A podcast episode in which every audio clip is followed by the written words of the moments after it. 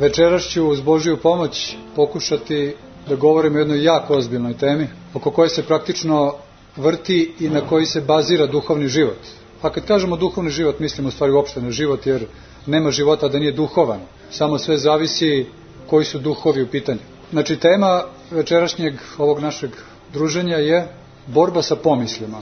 Ta tema je prilično zanemarena, tako da kažem, pogotovo u svetu, ovako na ovakvim skupovima, vrlo se redko priča o tome, to je mnogo više monaška tema, ali nažalost, zato što je to nešto vrlo važno i nešto od čega apsolutno zavisi kompletan naš život, kompletna naša civilizacija, kompletno stanje u čovečanstvu. Zavisi od toga da li primamo pomisli, da li ih ne primamo, da li imamo dar rasuđivanja, da rasudimo koje pomisli treba primati i sprovoditi u delo, a koje pomisli treba odbacivati, kao što kažu sveti oci, kao vatru ili kao šištanje zmije.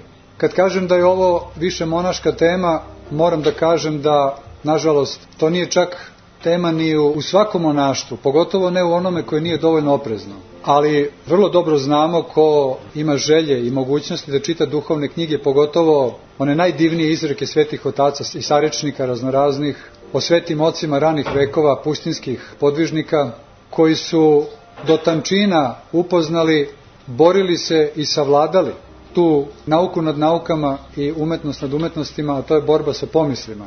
Znači, kod njih možemo da vidimo do koje oni nijanse i do koje mere idu u tim stvarima, da nam se vrlo često čini da je to prosto absurdno, da je prosto besmisleno, da prosto kakve veze ima ići u takve detalje u tim stvarima. Međutim, mišljenje tog tipa je odlika u stvari nezrelosti, odlika neozbiljnosti, odlika brljivosti ovoga naraštaja i ovoga vremena u kome živimo, jer što je čovek nezreliji, neozbiljniji, brljiviji, neoprezniji, on misli u stvari da on nema nikakvih problema sa svojim mislima, sa svojim pomislima i on smatra da su to uzaludne teme i da o tome uopšte ne treba razmišljati. Što je čovek zreliji duhovno? Što je čovek oprezniji? Što je čovek već malo iskusniji u duhovnom životu i što mu je više stalo do njegovog spasenja? On je mnogo više svestan i čak, kako su sveti oci govorili, drhti nad svojom sudbinom znajući koliko je čovek jedno slabo biće, koliko je čovek jedan slabi sasud i kako lako biva prevaren od duhova podnebesja, duhova tame, kojih je u ovom svetu jako puno i sasvim dovoljno da unište ceo svet u roku od nekoliko milisekundi kada bi to tvorac neba i zemlje dopustio. No on dopušta da oni vojuju protiv nas onoliko da bi nama bilo na korist ukoliko smo uz njega. Ukoliko nismo uz Boga, uz tvorca neba i zemlje, gospodara života i smrti, e onda vrlo često stradamo i to teško stradamo, ne zato što je Bog surov, nego prosto zato što nismo uz njega i nemamo silu da se odbranimo. A gospod kao takav, on poštuje do neverovatnih granica našu ljudsku slobodu koja je Božiji dar i on neće na silu da nas navodi da mi rasuđujemo, nego nas pušta da se učimo na iskustvu. Ima ljudi koji se uče na iskustvu na prvo mesto drugih. Slušaju šta pametni i iskusni ljudi govore i to sprovode u delo. I takvi ljudi najbolje uspevaju u životu. Ima ljudi koji se uče na svojim primerima i na svojim kiksevima i tako raznoraznim udarcima glavom u zid, pa i oni uspevaju, ali mnogo, mnogo manje. A ima onih ljudi koji se ne uče ni na tuđem ni na svom primjeru, nego stalno ponavljaju iste greške, jer nisu svesni zapravo da to što prolazi kroz njihov um uglavnom nije njihovo. No, nažalost, ovaj naraštaj u kome mi živimo i kome pripadamo je veoma gord, a da to prevedemo na jedan prosti srpski jezik, da kažemo veoma uobražen. Smatrajući imajući visoko mišljenje o sebi, budući samozaljubljen, budući fasciniran sobom, budući udivljen sobom i takvi ljudi, nažalost, najgore prolaze jer bespogovorno veruju onome što nađu u svome umu, a to su te takozvane pomisli, logizmos. Logizmi u grčkom jeziku postoje i uopšte u crkvenoj praksi, u crkvenoj terminologiji postoje misli i postoje pomisli.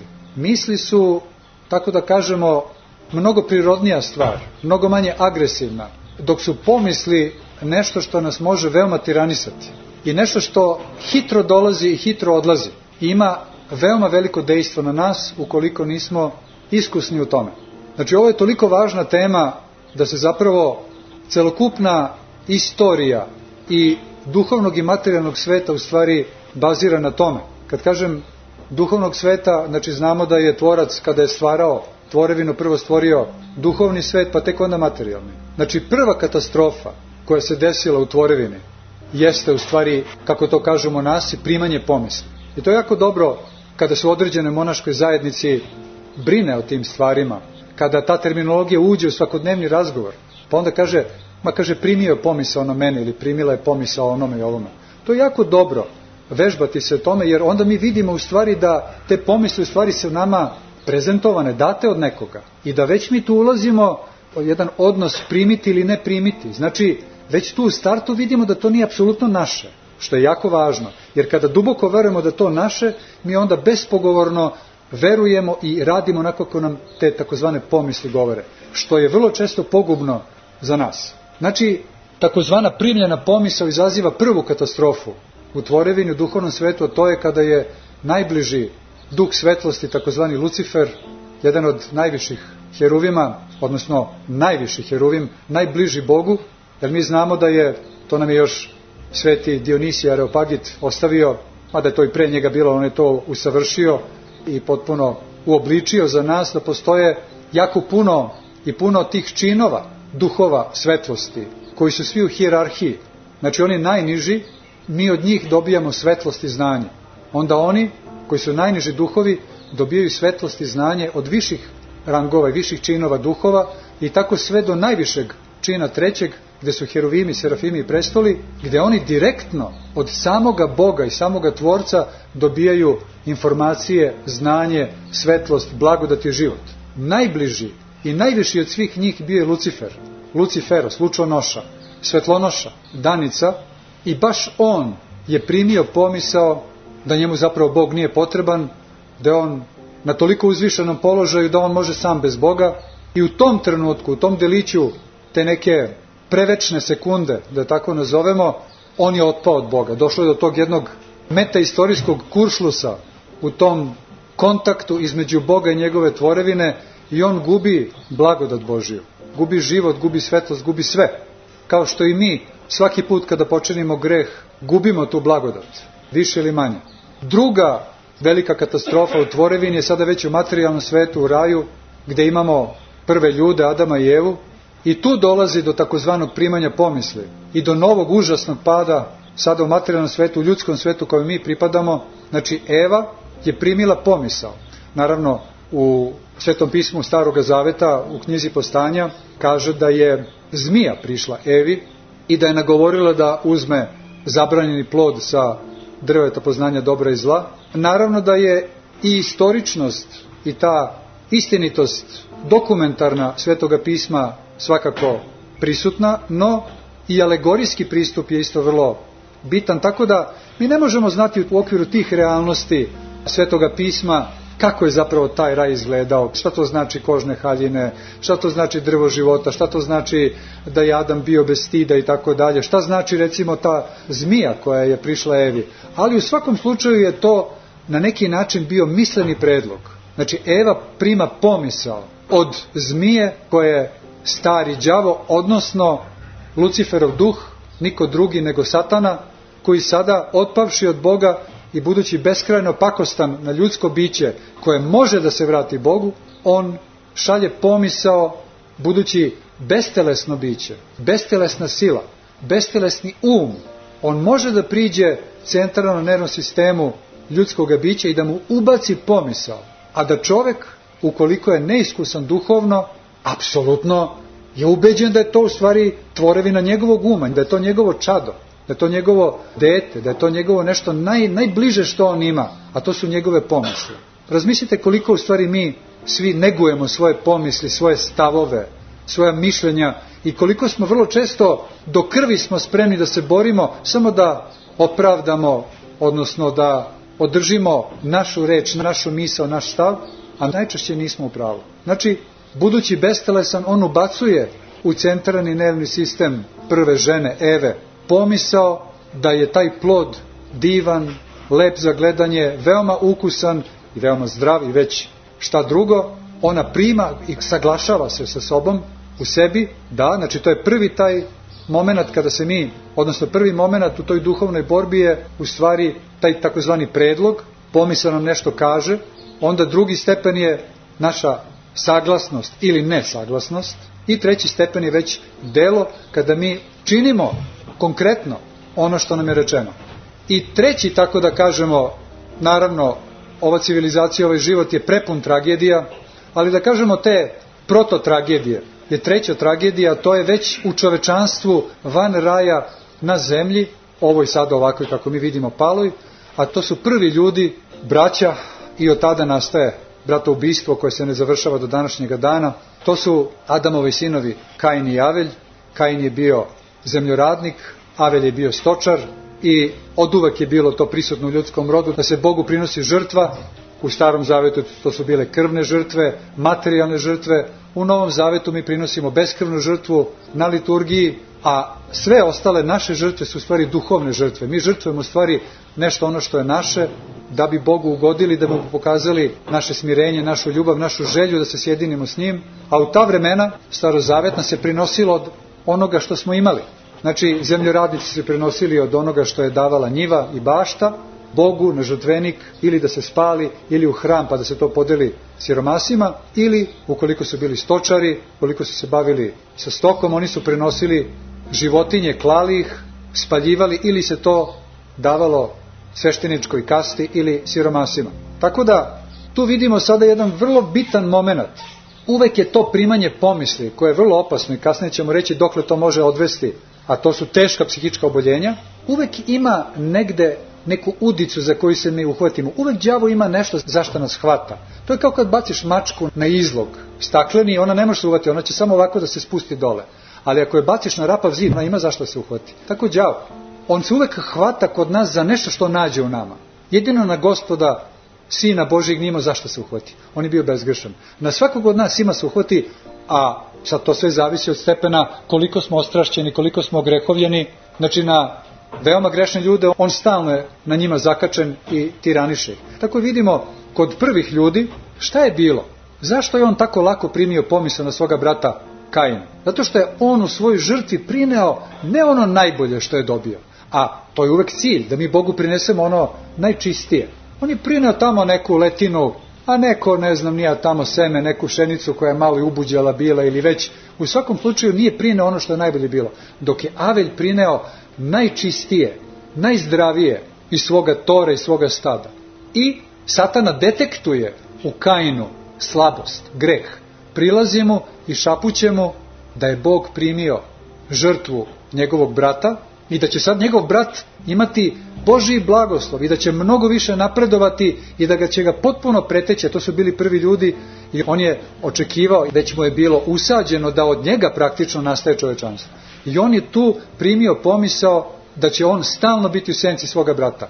Prima pomisao i dolazi na ideju, prihvata je, saglašava se sa njom i čini delo. Poziva svoga brata, kaže ajmo u polje. Avelj kaže ajmo. I on ga tamo kolje i ubija ga. I to ostavlja u amanet, što bi rekli naši stari, i u neko nasledstvo nam ostavlja u stvari to bratoubistvo iz ljubomore, iz pakosti, iz sumnje da će neko biti bolji od nas i da tog nekog uklonimo sa našeg puta. Znači to su izuzetno bitne stvari u našem životu jer apsolutno određuju naš život, naš uspeh, našu radost ili našu nesreću u našem životu. Biti svestan svojih pomisli, svojih misli, svojih želja, svojih namera, svojih nastojanja je esencijalno, suštinski važno u našem životu, jer od toga će zavisiti zapravo kakav će naš život biti. Znači, sveti oci koji su bili ljudi kao i mi, puni slabosti, pre svega pala bića, puni strahova, teskoba, sumnji, raznoraznih, pa čak i poremećaja, oni su shvatili da ima živoga Boga i da uz živoga Boga naš život može potpuno da se promeni, da procveta i da da ono najdivnije još dok smo u ovom životu, a posle ovoga života život večni, koji apsolutno zavisi od ovoga života ovde, oni su napuštali ovaj svet, odlazili su u pustinje, pogotovo rani oci, i u titanskoj borbi sa sobom, sa svojim ljudskim slabostima i sa svojim pomislima na prvom mestu, odnosno sa prilozima zapravo zlih duhova, knezova tame u podnebesju, kako ih je zvao sveti apostol Pavle, oni su uz Božiju pomoć tokom dugih decenija u ogorčenoj borbi spoznavali tajne te borbe, spoznavali tajne ljudske duše i spoznavali tajne demonskog sveta, a isto tako i anđeosko-božanskog sveta. Jer smo mi zapravo stalno izloženi jednoj emisiji tih mentalnih priloga, bilo da je to sa desne, bilo da je sa leve strane. Sveti oci desnicu smatraju uvek pozitivnom, dobrom, čvrstom, jakom, božanskom, a levicu slabom, grešnom, strasnom, demonskom, satanskom. Znači, i sveti oci su nama ostavili da je najviša vrlina, postoje mnoge vrline, ali da je najviša vrlina u stvari i najviši dar od Boga dar rasuđivanja. Jer od tog dara zavisi zapravo kako ćemo mi, tako da se izrazim, da vozimo svoj život. I da ćemo da se sudarimo, da ćemo da završimo nekom jendeku ili ćemo da prođemo kroz sve ulice, bulevare, čorsokake i sve znakove i semafore svoga života i da dostignemo do kraja, do onog obećanog grada u koji svi putujemo. I kroz taj dar rasuđivanja u stvari su sveti oci ocenjivali ko je od u to vreme monaha, svetih otaca, odnosno otaca u tim ranim vekovima, koliko je on napredovao. Znači, koliki je imao dar rasuđivanja. I kada bi otkrili nekoga da je od Boga dobio i kroz svoju veliku žrtvu veliki dar rasuđivanja, svi su se monasi, a naravno i ozbiljni mirjani kojima je stalo do spasenja, sticali kod tih takozvanih staraca, svetih ljudi, da pitaju.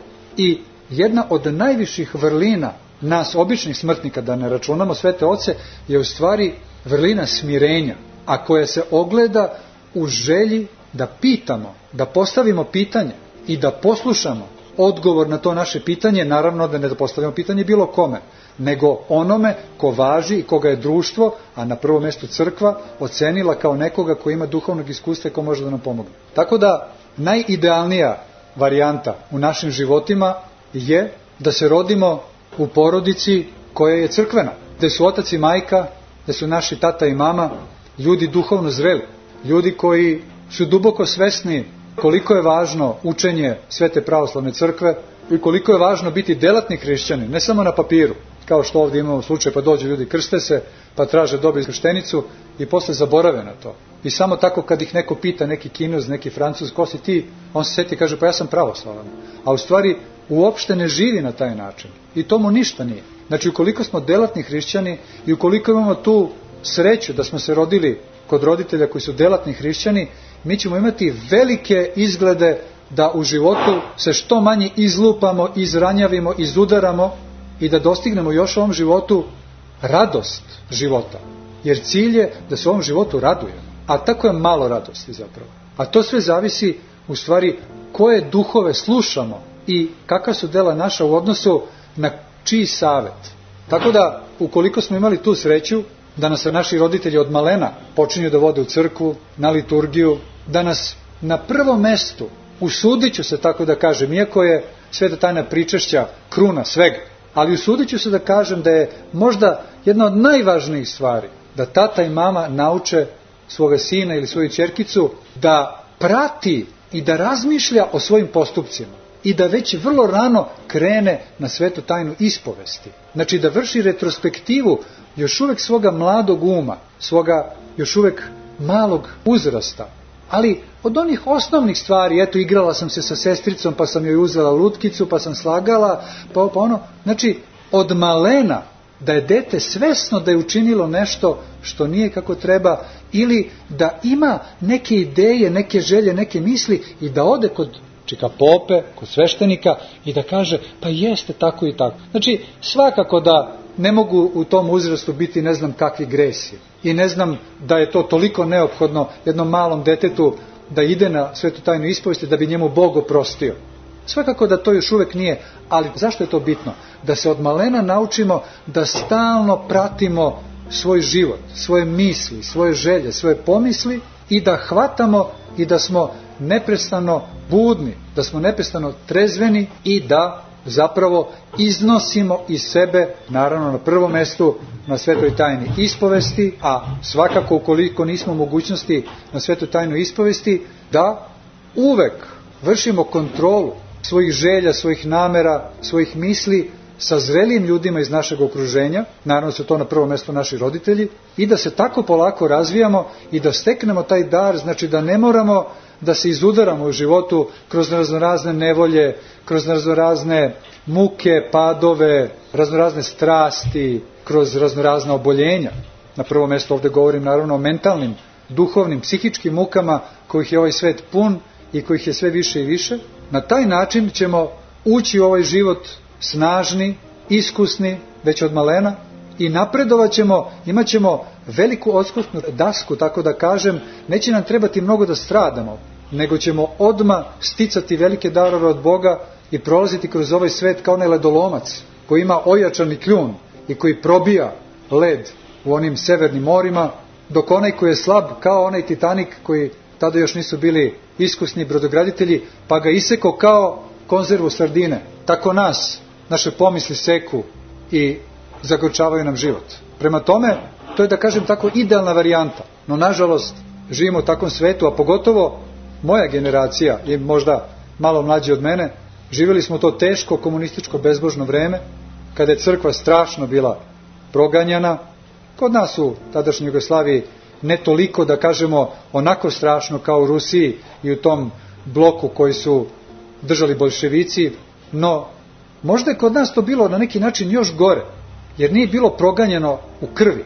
Jer tamo gde je bilo proganjeno u krvi, tu je bilo i borbe i predivnih, da kažemo tako, tih katakombnih momenata u svim tim zemljama gde je to bilo jako veliko proganjanje kao što su Rusija, Rumunija, Bugarska, tako dalje. Kod nas u to vreme, u, za vreme Brozove Jugoslavije, to je bio takozvani meki komunizam, gde nije sad ako ti odeš u crku letela glava, što je naravno bilo, a i tekako, naročito u Rusiji, ali ovde kod nas je možda bilo još opasnije, jer je to bilo kao slobodno, ali je bilo strašno izrugano i bilo je strašno ismejavano u društvu. Tako da su ljudi bili strašno otpali od crkve, ali ne zato što ćete im leti glava, nego prosto taj neki mekani komunizam, otvorenost ka zapadu, taj neki prisutni sekularizam je bio toliko izražen da verujem da je mnogo manje u Beogradu išlo u to vreme u crkvu nego u najstrašnijim periodima, možda u Bukureštu ili ne znam u Moskvi i gde. I baš u to vreme sam ja odrastao, nažalost, Tada smo bili potpuno odvojeni od crkve, nismo znali to predivnu nauku, tu predivnu nauku nad naukama i umetnost nad umetnostima, da se suočavamo sa sobom i da pratimo to predivno učenje pravoslavne crkve i mi smo rasli nezaštićeni, neiskusni, vaspitavani od ovoga sveta koji kaže ti si najbolji, ti si najpametniji, ti si najlepši. Znate, danas se omladina tako vaspitava. Sve u superlativima, ti si najbolji, ti si ovo, ti moraš da budeš prvi, ti moraš da budeš najbolji od svih, ti moraš da budeš najlepša, ti moraš da budeš najprivlačnija. I stalno se to potencira i ako smo psihički bolesni kad odemo kod psihijatra ili kod psihologa, oni koriste ono što pruža savremena psihoterapija i savremena psihijatrija, a to je podizanje i pumpanje ega.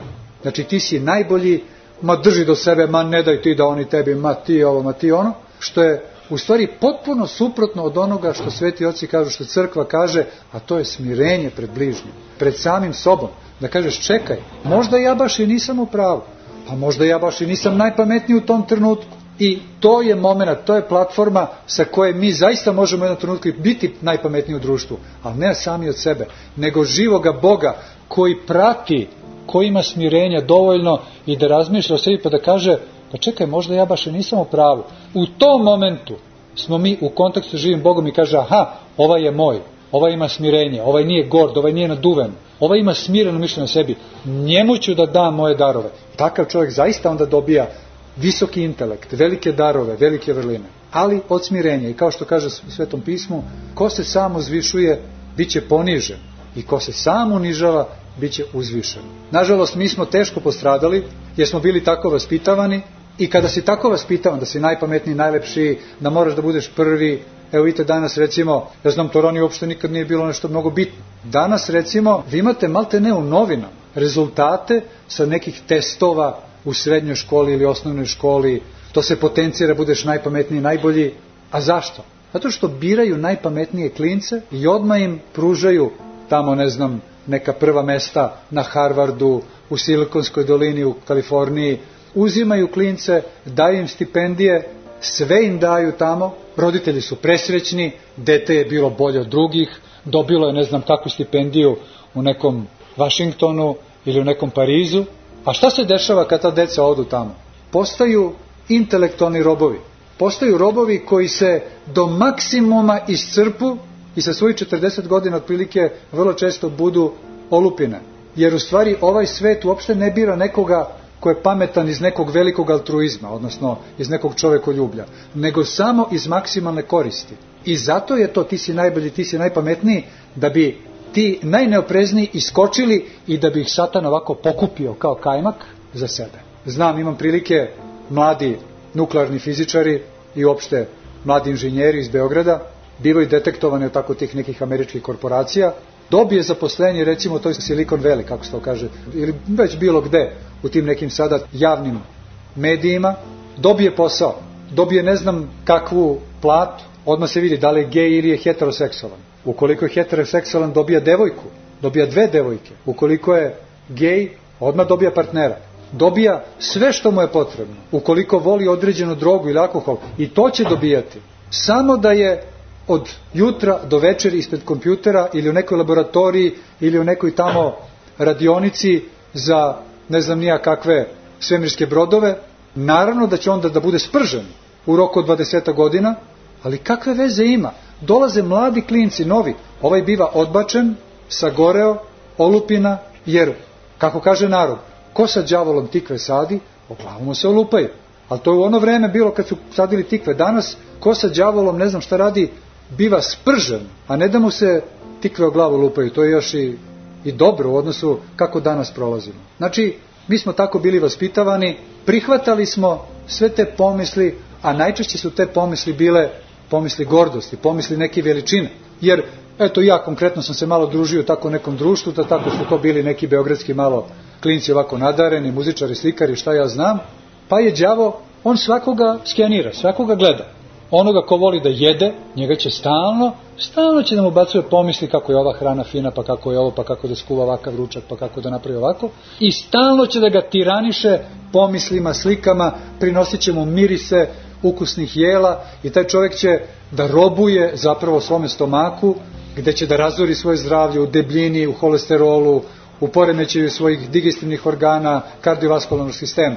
Ukoliko vidi nekoga da je sklon bludu, E njemu će stalno da obacuje pomisli, uf, kako li je sa ovom, kako li je sa onom, i to onda tiranisanje u bludu, u promiskuitetu, u jednom užasnom razaranju ljudskog bića, a opet ima nekoga koga uvati ko je sklon visokom mišljenju o sebi. To su obično tako intelektualci, umetnici. Njih hvata na to. On njega neće, ne znam, nešto mnogo na blud, neće mnogo na srebroljublje, neće mnogo na, ne znam, prejedanje, ali će njega na gordost, znači na samoljublje. I nas je tu negde pecao i mi smo počeli da primamo pomisao kad ti kažu, u, ti si najbolji, ti si najpametniji, ti tako lepo pišeš tekstove, ti tako lepo slikaš, ti tako lepo sviraš, ti si tako prijatan kad se pojaviš u društvu, svi gledaju u tebe, svi ti aplaudiraju, sve devojke su zaljubljene u tebe, svi mladići hoće da dođu da se druže sa tobom. I onda ti, ne budući iskusan, ne budući naučen, ti apsolutno primaš te pomisli i duboko, znači bezpogovorno veruješ u to i počinješ tako da se ponašaš. Naravno, čim mi primamo pomisli od nečistoga duha, istog momenta mi bivamo, ne zato što se Bog gnuša od nas, Bog se ne gnuša nikoga. Bog najviše voli baš najveće grešnike. Ali mi sami sebe na taj način, primivši pomisao, uključivši se u negativnu demonsku energiju, mi sebe automatski isključujemo od dejstva duha svetoga. Čim nema duha svetoga, dolazi demonska sila.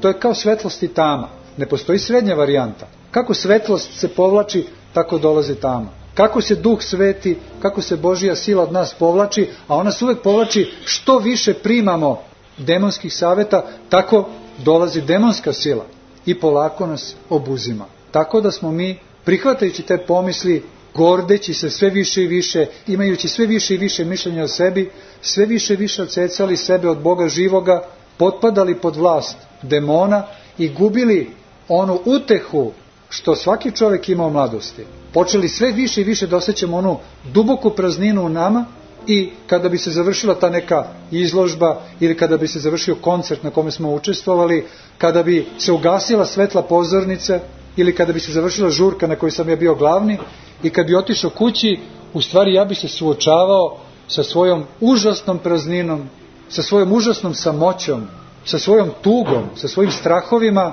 I u stvari ja sam osjećao, odnosno mi takvi smo osjećali da nam nešto sada potrebno da povratimo ono osjećanje koje nas je nosilo, a to je uglavnom bio alkohol, droga i tako taj promiskuitni seks, jel da, koji je tu odma uz alkohol i drogu, koji donosi to brzo prolazno ispunjenje i zadovoljstvo. E sada, još je dobro ako se zadržimo na, na nivou strasti, jer uz pokajanje je tu uvek način i spas, kako možemo da se izlečimo. No, nažalost, vrlo često, primajući te pomisli, mi možemo i da oštetimo svoju psihu, možemo da poremetimo umom, jer i sveti oci kažu da se u stvari gordost i ludilo, oni dugo putuju skoro paralelno, jer gord čovek nije u startu odma ludak, ali negde u nekoj tački u budućnosti, u životu, se gordost i ludilo konačno spajaju. I gord čovek u stvari postaje ludak, jer on ima toliko visoko mišljenje o sebi, da šta god da mu dođe na pamet, on to prihvata kao njegovo čedo, kao isključivo nešto njegovo i tako dolazimo do tih teških stanja, da kažemo prvo kako to u psihijatriji razdeljuju, to su prvo ta neka neurotska stanja, to je neuroza, gde sumnjamo, gde smo u strahovima, gde smo u nemiru, ova je protiv mene, ona je protiv mene, ne znam, to će se desiti, to je da kažemo još uvek koliko toliko izlečivo, ali postoje ona najteža stanja, koji su takozvane psihoze, psihotična stanja, a to je ono što se nekada zvalo šizofrenija, danas izbegavaju u psihijatriji šizofrenija, pošto ima baš onako negativnu konotaciju, onako tešku reč, pa su sad to neke šifre F13, ne znam, E17, tako dalje, da bi bilo lakše kad ti kaže ti imaš F13, sad ti ne kaže ti imaš šizofreniju, a u stvari na istomu se svodi. Znači, nažalost imam prilike da dolazim u kontakt sa ljudima koji imaju velike tegobe i koji dođu i kažu oče, kaže, znate, mene prati Beogradska specijalna policija. Rekao, jesi ti siguran u to? 100%. Jel imaš neke konkretne, ne znam, dokaze za to? Pa nemam konkretne, ali znate, u tom trenutku sam video to, pa jedan policajac me pogledao ovako, pa sam čuo helikopter, to je sve radi mene, znate. Ne kažem, dobro, ali, ajde da kažem, ali zbog čega baš tebe? Da li si ti neka tako važna ličnost? Da li ti učestvuješ u nekim vrlo bitnim stvarima u državi, u politici, u, u privredi? Pa tu malo tako zastanu, kad ih ti malo ipak realno, znači, u tom trenutku kad ga ti realno pitaš tako neki stvari, malo zastane, pa ne, kaže, nisam, ali bez obzira, bez obzira, oni mene prate. Zbog čega?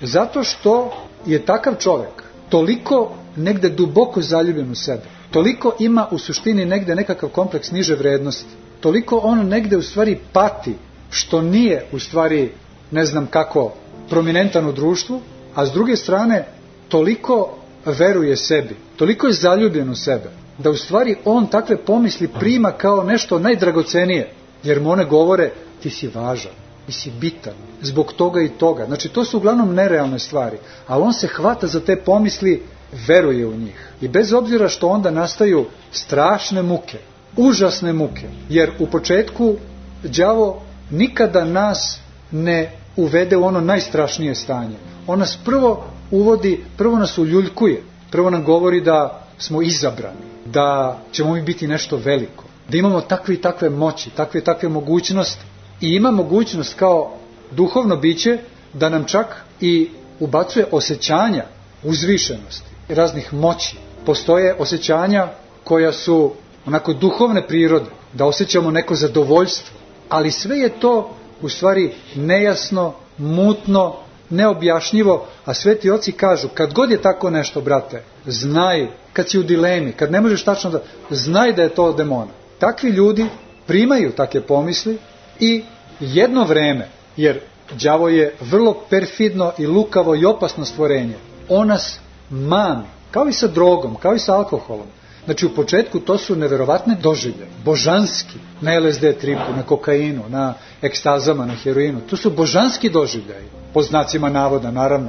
Ako kažemo da postoje mnogi bogovi, da je samo jedan jedini pravi, ovo je drugi bog, ovo je bog zla, bog satane, on kao duhovno biće koje pamti ono blagodatno stanje uz Boga, može nama to da ubacuje, ali to je takozvana prelest. I mi u tom stanju prelesti dugo vremena, nekoliko meseci, ali nikada ne truje drugo, do godinu dana otprilike možemo da verujemo da smo zaista nešto veliko. Nažalost, onda kada smo potpuno zagrizli udicu, kao u ribolovu, ne vadi ribolovac nju odmah, jer možda se otkači, nego je prvo pušta pa da se dobro zakači na udicu. E onda je ona miru polako izvuče i onda ona shvatila u stvari da to uopšte nije bio taj ukusni crv, nego samo jedna udica i zli pecaraš koji će u tom trenutku da je opali sve snage o beton i da ona završi.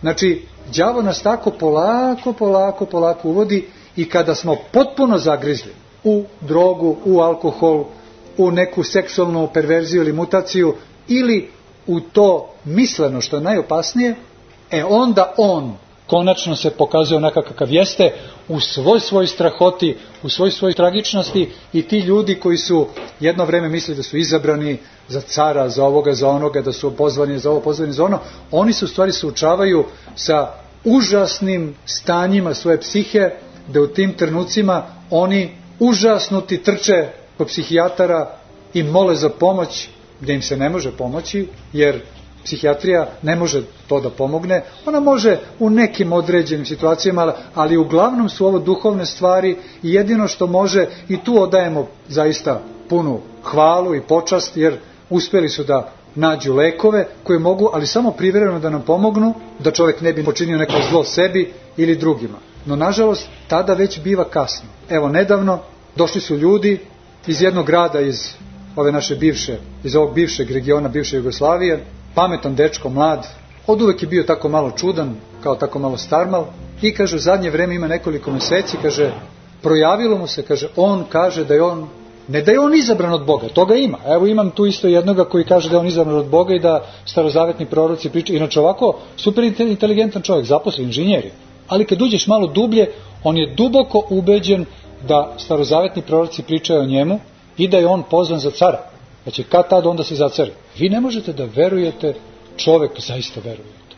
I prvo se iznenadite, pa dođe vam da se smejete, pa se onda ozbiljite, a onda vam dođe da ridate o tragediji, u stvari kad shvatite u stvari kaka propast jedne ljudske duše. I ovaj mlad čovjek, on je umislio da je Bog, da je on sam Bog. A da oni koji mu poveruju i koji krenu za njim, da će oni biti anđeli. Ali pazite sad to, to sad može svako da kaže, svaka budala. Ali on je zaista dobio određene moći on zaista može da pomogne, da izleči, da pomogne u nekim poremećajima. Kako to? Tako što je potpuno prihvatio taj prilog i satana je baš njega izabrao kao poseban sasud i dao mu je moći. Tako da takvi ljudi jednoga dana postaju to takozvani vidovnjaci, takozvani magovi, vračari, gatari.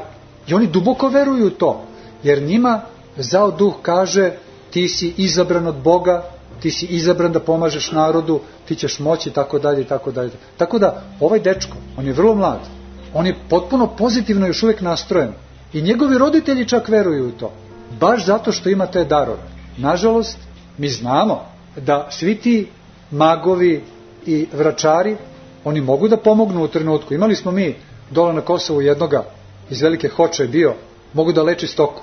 Stvarno izleči živinča, ono neko na, na crkava, On nešto tamo baje, baje, životinja živi. Ali šta se dešava posle? U toj kući da izlečio to govedo ili tog brava ili ne znam čega, posle godinu, dve ili pet godina sva stoka crkne.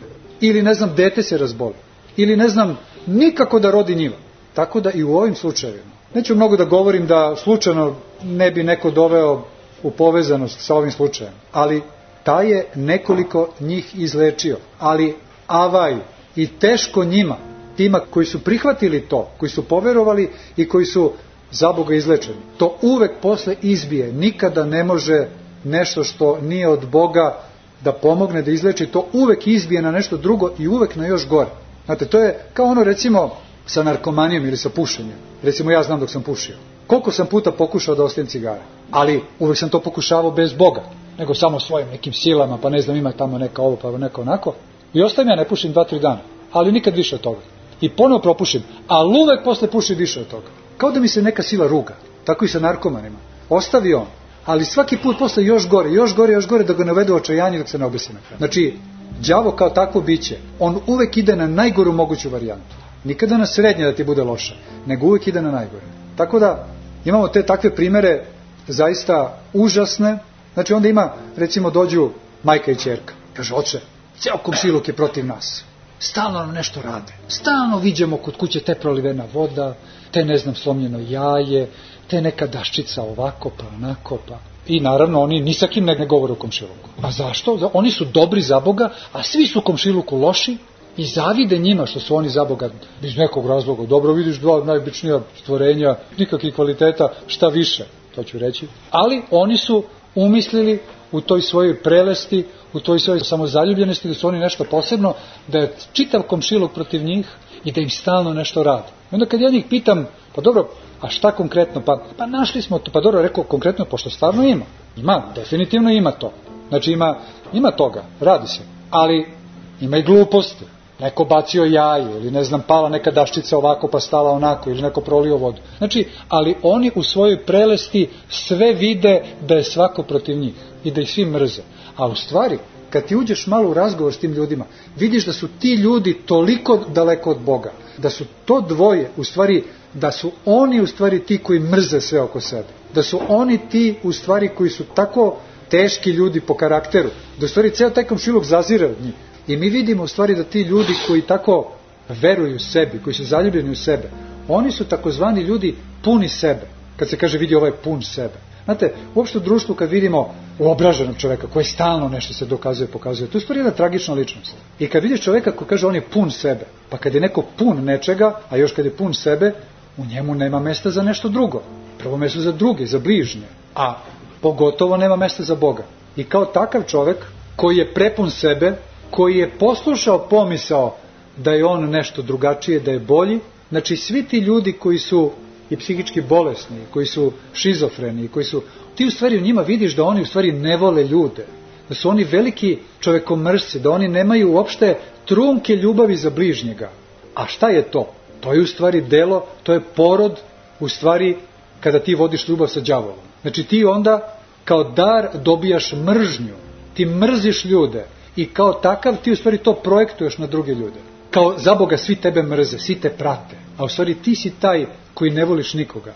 Ja nisam naišao, a mnogo, nažalost, srećem bolesne, psihotične ljude, ti vidiš da ti ljudi tako dubinski mrze ljudski rod, tako mrze sve oko sebe. On mrzi svoju majku, on mrzi svoje dete. Jer zašto? Zato što je đavo u njemu, prihvatio ga je.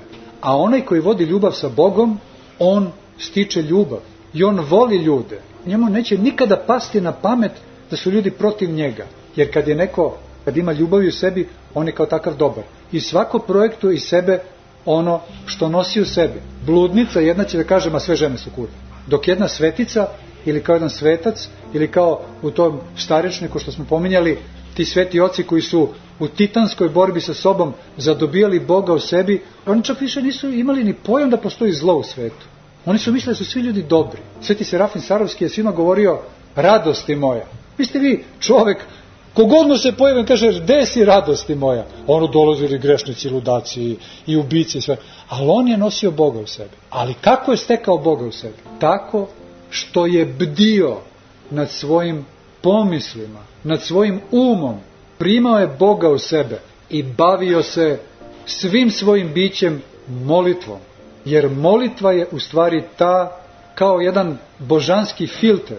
Kada kroz filter naše molitve, ukoliko se naravno uopšte bavimo molitvom, mi propustimo naše pomisli, naše misli, naša htenja, naše želje, i ukoliko to ne urodimo dva, tri puta u životu ili za dva, tri minuta, nego ukoliko to postane naš način života, mi onda kroz taj filter nam se potpuno raščišćava magla ostrašćenosti. I mi zapravo vidimo koja je pomislao realna, koja je pomisao nije realna, koja je pomisao je korisna, koja je veoma opasna.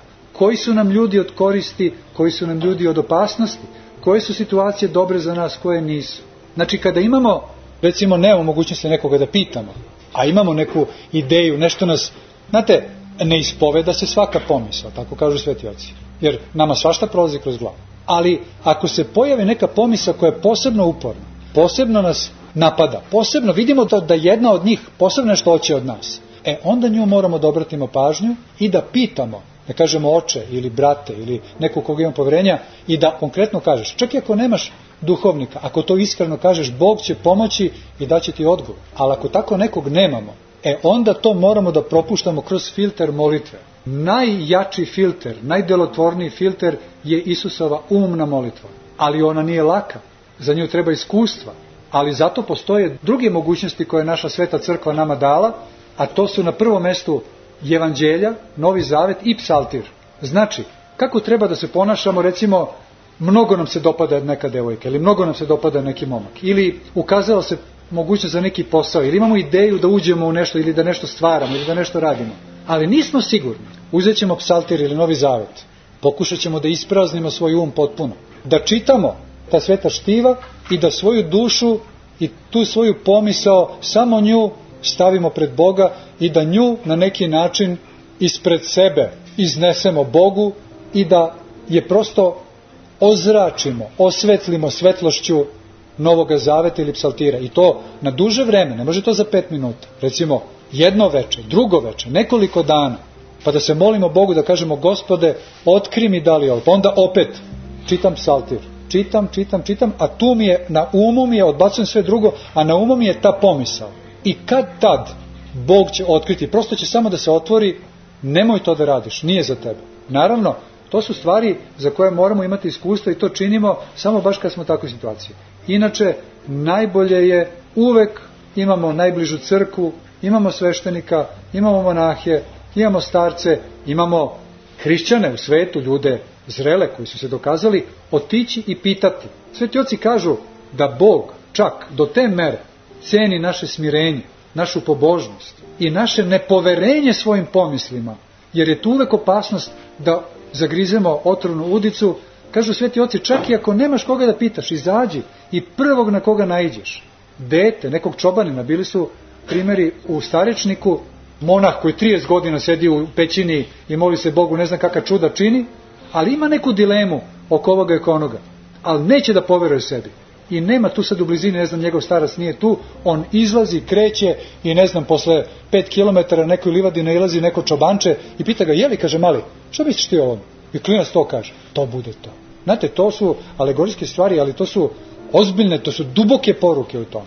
Ja znam dok sam živeo u manastiru Crna reka, odnosno u isposnici gore, nažalost u to vreme je došlo do jednog velikog loma u našoj crkvi i to bratstvo je poslušalo pomisao na čelu sa čovekom koji ih je sve poveo na tu stramputicu, poslušali su tu pomisao, kad prihvatiš pomisao demonsku, ona ti uvek unosi nemir. Po tome možemo uvek prepoznati da li je nešto od Boga ili nije. Tako kažu sveti oci. Ukoliko ti unosi nemir, neku nejasnu nelagodnost, nisi baš siguran, to je, znaj, brate, demonska stvar. Od Boga ono što ti je, uvek si savršeno miran i savršeno je jasno i tu nema dileme ali opet i u to moramo da budemo iskusni, pa opet ne smemo se oslanjati na sebe i moramo pitati. Nažalost, u ovoj situaciji nisu pitali nikoga, a sećam se na jednom od tih poslednjih sastanaka kada su napustili, bio jedan među njima koji je otišao sa njima, ali je divno rekao, jedan od starih monaka, rekao je, deco kaže, ajde da se pomolimo mi, pa da vidimo. Oni su rekli, ne, kakvi, mi smo sve rešili, to je sve jasno, nema kakvi. Toliki je bio nemir u njima. E sad šta hoću da kažem? I ja sam bio tu sa njima često, ja sam pripadao tom manastiru, do duše živo sam gore u pustinji, na sat vremena od hoda, povremeno sam silazio dole, ali u to vreme je bio velika uzrujanost, veliki lom i gore kod mene su dolazili i svašta je tu bilo i tražili su neke moje saglasnosti i potpise. Ja sam rekao, ja sam došao u crkvu, ja ne dajem nikakve potpise. Ja sam sebe potpisao gospodu Isu Hristu i često sam silazio dole i verovali ili ne, to je takva demonska sila bila, taka pritisak, taka sila je bila podnebesna koje te mučanike, moje dragi, voljene braće u Hristu tadašnju, da je to i na mene delo. Znate, ta, ta kolektivna takozvana psihoza.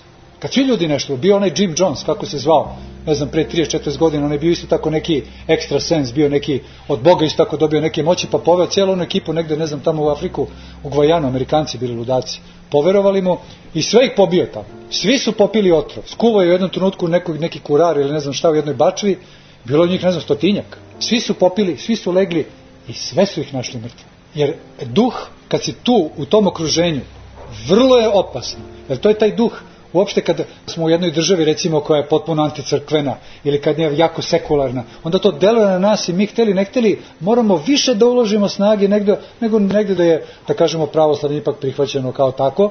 Tako je u ovoj situaciji bilo, ali šta je mene spaslo? Spaslo me što ja ipak nisam živeo tu, nego bih se vratio gore u pustinju, pa bih se vratio mom molitvenom pravilu, naročito umno srdačno Isusove molitvi, sat vremena, dva, tri, pet, I onda pa samo dođem k sebi, kažem, Arsenije čoveče, pa daj šta ti je. I dođem k sebi, pustinja me, molitva me je spasla. Spaslo me je to što ipak, ja sam osjećao nemir užasa. I video sam da tu nešto nije u redu, ali sam ipak odlazio tamo i pogružavao sam svoj um u samoći i samo je spadala ta koprena. Tako da je to izuzetno važno, da uvek proveravamo sebe, svoje pomisle, svoja htenja, svoje želje, svoje namere, uvek da ih proveravamo kod iskusnih ljudi, da pitamo, a isto tako da se vrlo ozbiljno bavimo duhovnim životom, molitvom, da živimo liturgijski i onda će duh sveti, ne mi, nego duh sveti će nam pomoći da ne pravimo velike greške, da ne trošimo uzalud svoje sile, da se ne ranjavamo, da se ne lomimo, da ne gubimo dragocenu snagu u svojim životima, da napredujemo, da dajemo nešto od sebe, da ostavimo nešto ovom čovečanstvu, samo uz Boga, uz rasuđivanje, uz nepoverenje sebi samom, jer ako i ne poverujemo, ako je čak nešto od Boga nama dato, kažu sveti oci, dođe neka pomisla pustinjacima je bilo, pojavi se, ne znam, anđeo svetlosti ili dođe mu pomisla da se vrati u svet, da propoveda narodu, da spasava svet. Prepodobni oci nisu verovali sebi. Oni su dugo, puno, više puta sebe isprobavali, odbijali tog anđela koji bi im se pojavljivao, bilo je toga. On bi govorili, ja, kaže, nisam, kaže, dostojan da vidim anđela u ovom, ovom životu. Ali oni su posle učili, oni su govorili, neće se Bog naljutiti, niti će on povući taj dar od nas ukoliko mi pokažemo tu zrelost kroz nepoverenje sebi. Tek onda ćemo još više imati. Znači, ne sekirajte se ljudi ukoliko ne prihvatite iz prve nešto što vam se čini da je mnogo dobro. Neće to od vas otići. Samo to proverite kod iskusnih ljudi u crkvi na prvom mestu, kod svojih parokijskih sveštenika, kod tamo nekih monaha ili već koga imamo priliku, ili naravno kroz svoju molitvu i na taj način će nama Bog otkriti koji je naš put. I ne samo što nećemo oštetiti svoj um, nego što ćemo do te mere razviti svoju psihu, sve svoje potencijale, jer Bog je svakog od nas napravio sa mnogim moćima. I koliko god da grešimo, te moći su tu. Uz Božiju pomoć, Duh Sveti jedva čeka da mu se mi predamo.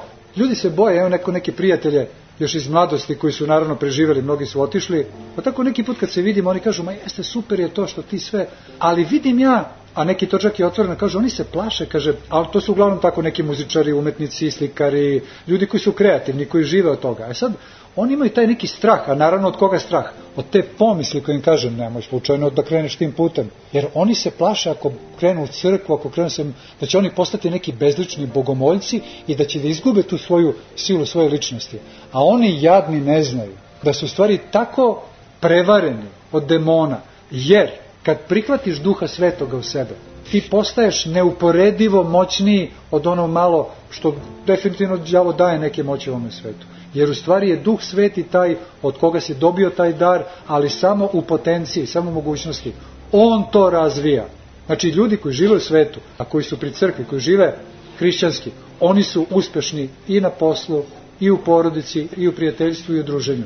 Jer, naravno, dobijaju duha svetog u sebi. Znači, na taj način ne samo što sačuvavamo sebe od poremećaja, nego dobijamo sve ono što Bog u stvari ima spremno za nas. Tako da eto, ovo je jedna mnogo ozbiljna tema, ja svakako nisam dorastao za nju, ali sam pokušao, eto koliko sam mogao da zajednički započnemo ovo i da svako od vas proučava svete oce, da živi crkveno i da svako od vas napreduje u tome i da vam u životu bude dobro i da na taj način steknemo i carstvo nebesko. Hvala vam još